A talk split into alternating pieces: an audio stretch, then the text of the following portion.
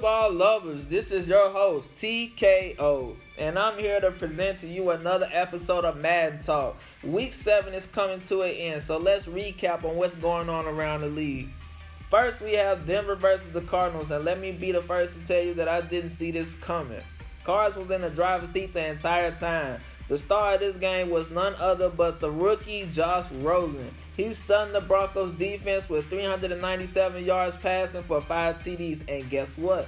Not an interception to speak of. The pair Macklin and Nelson combined for 8 receptions, resulting in 310 yards and 5 TDs. They made Orange Crush 2.0 look like Capri Suns. Cardinals winning 34-28. On to LA to see the Chargers host the struggling Titans. On paper, you think the Chargers had this one in the bag. Titans are out to get that chip off their shoulders. Mariota come working his magic with less than impressive cast as he throws for 305 yards, one TD, and one interception. Chargers defensive mangled him for five sacks though. Gotta do something about that O line, Tennessee. But nonetheless, they got it done with Corey Davis at the center of attention with 10 receptions for 150 yards with one TD. Titans barely escaped with this one, 20 to 17. And now we're headed to Tampa Bay as the Browns visit the Bucs. Browns had some control in the first half and then completely lost grip in the second, producing no points while the Bucs led the way. The rookie halfback Ronald carried his team as he ran for 60 yards out of 20 attempts for two TDs and even helped in the passing game with 61 yards off of one reception. What a versatile player. Defense also held up their end with four sacks and one, two interceptions and one fumble. That's more than can be said for the Browns, though. Defense failed them in the end, and that shows as Tampa sneaks past with a 27 20 win. And it's been a lot of close games this week, and we have yet another one in Philly with the Panthers versus the Eagles. A tip for game that Carolina couldn't simply match. No much, no much offense to speak of, but the veteran Greg Olsen did lead with seven receptions for 103 yards.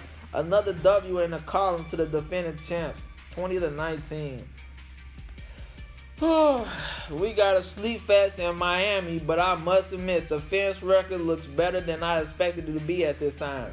Can't tell if this was a good defensive game or a poor offense was showing. The best player in this game was Tannehill, and he threw for 207 yards, which got a one TD at the board, but it's overshadowed with three interceptions and four sacks. Let's not speak on the Lions right now. Lions snoozed on this game as fans snatched the win 15 to 13. And finally, New England wakes up in week seven as they blow out the uprising Bears. Probably awakened from all the gunshots they heard on the way to the stadium. If that was all they needed to give the get if they needed to wake up, I'd give Bill my Desert Eagle for every game. Brady threw for 266 yards out of 13 attempts for one TD and one interception. Mitchell tried the match, but the Pats kept his receivers covered except Allen Robinson, who caught their only TD. Pats are wide awake just in time as to get a much needed win over the Chicago, 30 to 10. And yet we got another blowout, but this time it's by the unexpected Jaguars who hosted their rivals Texans, and more bad blood has been created. Know it for sure.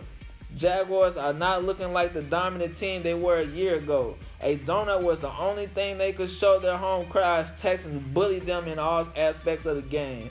Now, would I say the Texans are the team to beat? No way, Jose. As they still need to make tweaks to the team. Watson got sacked nine times. Nine times. Manti Te'o's girlfriend must have got her brothers to play online for them. But Watson managed as he threw for 212 yards, which resulted in three TDs. Bruce Ellington took place of the injured Hopkins as he caught four passes for 121 yards for one TD. The secondary must have heard my last podcast as I thrashed thrashed them about having no turnovers as they come in to grab three interceptions. A impressive win for the whole team. Houston 27 to 0. We in Baltimore as the Ravens take on the Saints in this nail biter. Drew Brees threw for 264 yards for three TDs. Lamar tried to stay on pace as he threw for 183 yards and one TD, but it didn't help. Kamara did what he could with 72 rushing yards out of 13 attempts and gained 29 yards in the air all three catches. Game wasn't pretty from either side, but Saints managed to get away 23 20. And I'm not even surprised, but let's see if y'all in my head with this one. Bengals versus Chiefs. Let's see if we thinking the same thing. Okay, one, two, three.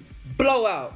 Impressive game from the Chiefs, especially from second year Patrick Mahomes with eight completed passes for 143 yards and three TDs, no sacks and no interceptions. Perfect game. Also leading the way is Kyren Williams with 90 rushing yards and one TD on 17 attempts. Tyreek was also explosive with collecting 81 yards and a TD off of only two catches. Dang.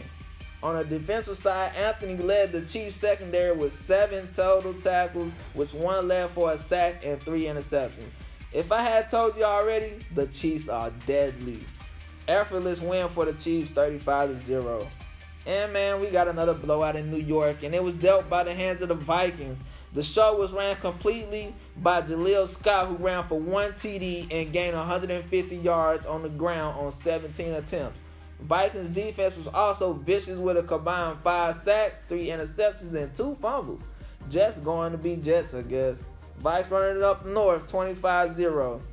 And man, did we have a lot of mismatches in the week as the Bills blow out the Colts. Game was a sleeper, to be honest. Only bright spot in the game was the kicker Hauschka, who went 3 for 3 on field goals. Bills rack up another win, 18 0. Rams doesn't even have a rival in the 49ers, it seems. Goff was perfect, but he got the job with 380 passing yards for 4 TDs and 5 interceptions on 26 completions. Ah, did I say perfect, man? He was horrible. Not even going to talk about Garoppolo either. Now he might be a player of the week in addition to the game, but the best running back in the league is game is Todd Gurley, who rushed for 130 yards for two TDs out of 14 attempts. Crazy day for him. Look at Cooks trying to put the league on notice. He caught four passes for 207 yards and two TDs. Man, Rams offense went crazy. Defense didn't come to play either. Donald pressed the 49ers all evening as he got three sacks out of five tackles. Rams dominate 42-21. Well, we also have a notable game with the Giants and the Falcons, but we got no updates on that yet. That's all for today, man. See you in week 8. Peace.